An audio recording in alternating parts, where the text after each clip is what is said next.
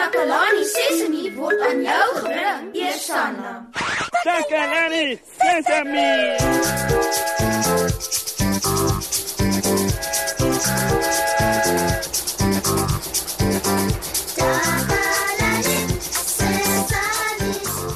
Hallo, hallo, hallo maats. Hoe gaan dit vandag met julle? Baie welkom by nog 'n uitstekende lekker program. En welkom ook aan Tannie Marie by vandag se program. Hallo Tannie Marie. Hallo my liewe Moshe en hallo aan al die maatjies. Ek dink dat Tannie Marie nog 'n fantastiese storie met ons gaan deel. Jy's reg Moshe.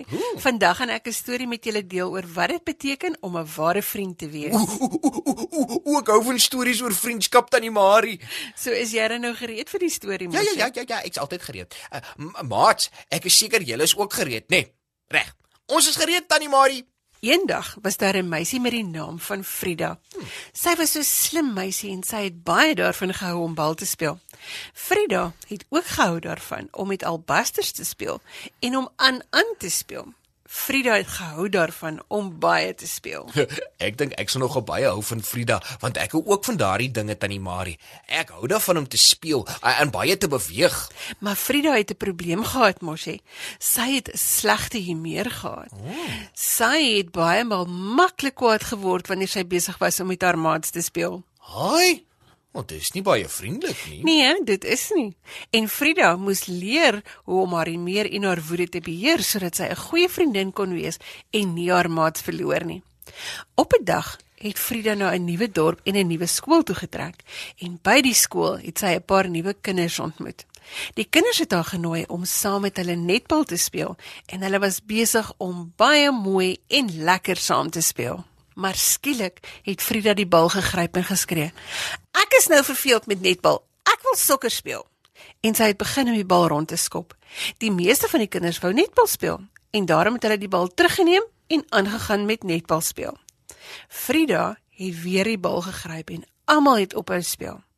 "Frida, ons wil nie sokker speel nie," het die kinders vir haar gesê. En weet julle wat het Frida toe gedoen?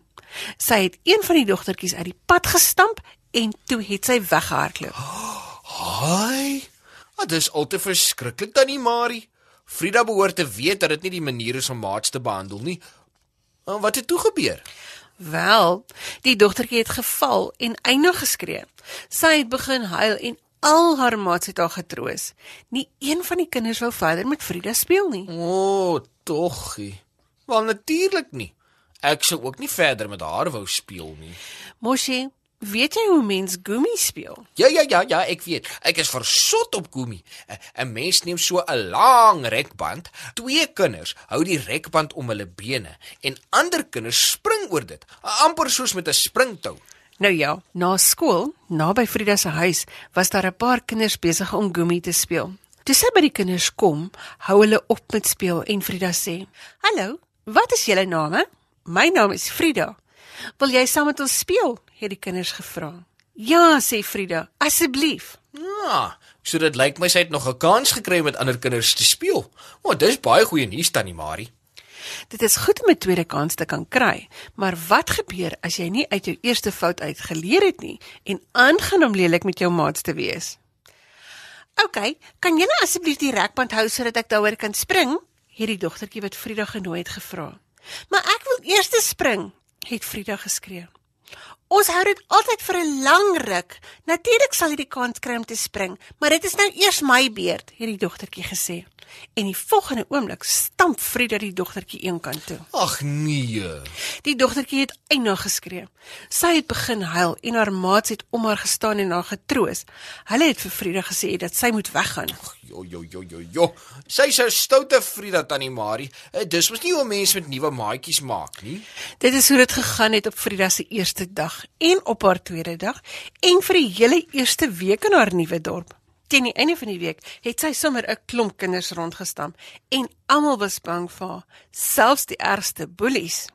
Wanneer hulle haar gesien het, het hulle eindig geskree en weggehardloop. Toe het almal haar eina begin noem. Sy het die eensaamste kind in die hele dorp geword. Ai, sis tog. Arme Frida. Sy het na die park toe gehardloop en daar gaan huil. En terwyl sy so gehuil het, het 'n voeltjie haar gehoor en afgevlieg en langs haar gaan sit. Waarom huil jy so, dogtertjie? het die voeltjie gevra. Want want niemand wil met my speel nie. En hulle is naar met my en hulle het my 'n bynaam gegee, 'n Bynaam? het die voeltjie gevra. Dis baie stout van daardie kinders. Wat noem hulle jou, dogtertjie? Hulle noem my Eina. Ai, die voeltjie het jammer gevoel vir Frida en hy het nie geweet hoekom die kinders haar Eina genoem het nie. Maar dit was 'n slim voeltjie. Hy het geweet dat as 'n mens by die waarheid wil uitkom, moet mens baie vrae vra. Daarom vra die voeltjie toe. Eina? Waarom noem hulle jou Eina? Wa, want ek stamp almal en dan sê hulle Eina wanneer ek hulle stamp. Dit was regtig 'n baie slim voeltjie. Hy het geweet dat as 'n mens iemand wil help om self die waarheid raak te sien, jy moet aanhou vra vra. Daarom vra hy toe. Dink jy die kinders hou daarvan om so gestamp te word? Frida het vir 'n oomblik nagedink en toe geantwoord: "Nee, dis nie lekker om gestamp te word nie. Dit maak 'n mens seer." Teen hierdie tyd het sy opgehou met huil en haar aandag was by die gesprek wat sy besig was om met die voeltjie te voer. Die voeltjie het gevra: Sê die kinders wil nie seer kry nie en daarom hardloop hulle van jou af weg. Die wyse voeltjie het geweet dat die dogtertjie nodig het om te verstaan hoe sy besig was om kinders weg te jaag. Daarom sê hy toe: Hoekom wil jy hulle stamp, Frida? "Want hulle maak my kwaad, Waarom maak dit wat hulle sê jou so kwaad?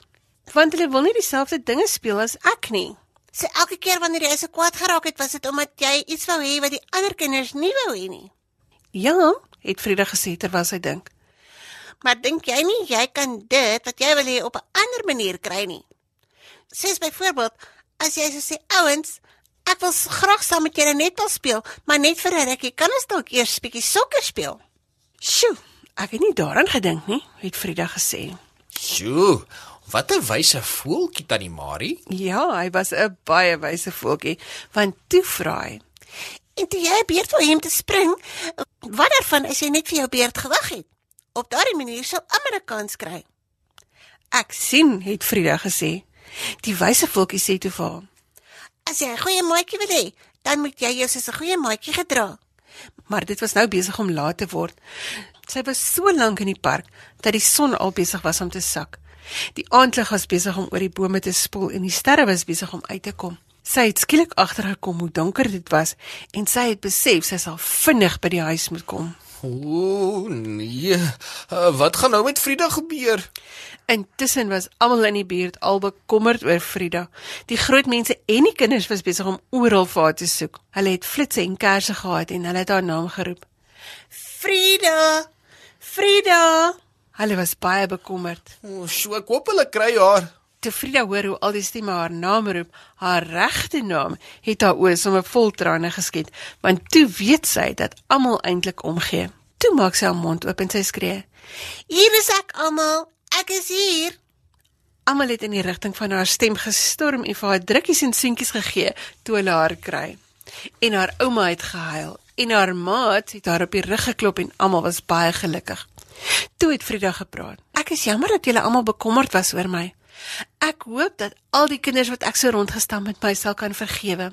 Ek sal dit nooit weer doen nie. Sy het opgehou om kinders te stamp en elke keer wanneer sy gevoel het dat sy kwaad raak en haar meer gaan verloor, het sy onthou wat die voeltjie vir haar gesê het.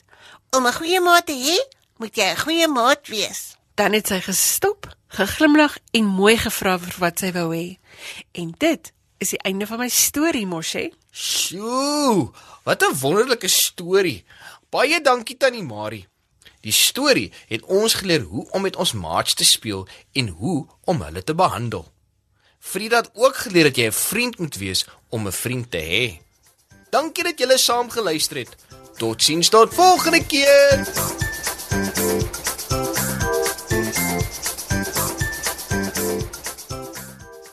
Takalani Sesemi is mondelik gemaak deur die ondersteuning van Sanlam.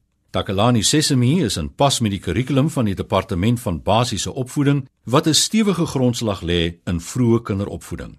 Takalani Sesemi word met trots aangebied deur SABC Opvoeding in samewerking met Sesemi Workshop. Vir kommentaar oor hierdie program, stuur asseblief 'n e-pos na takalanisesemi@sabc.co.za.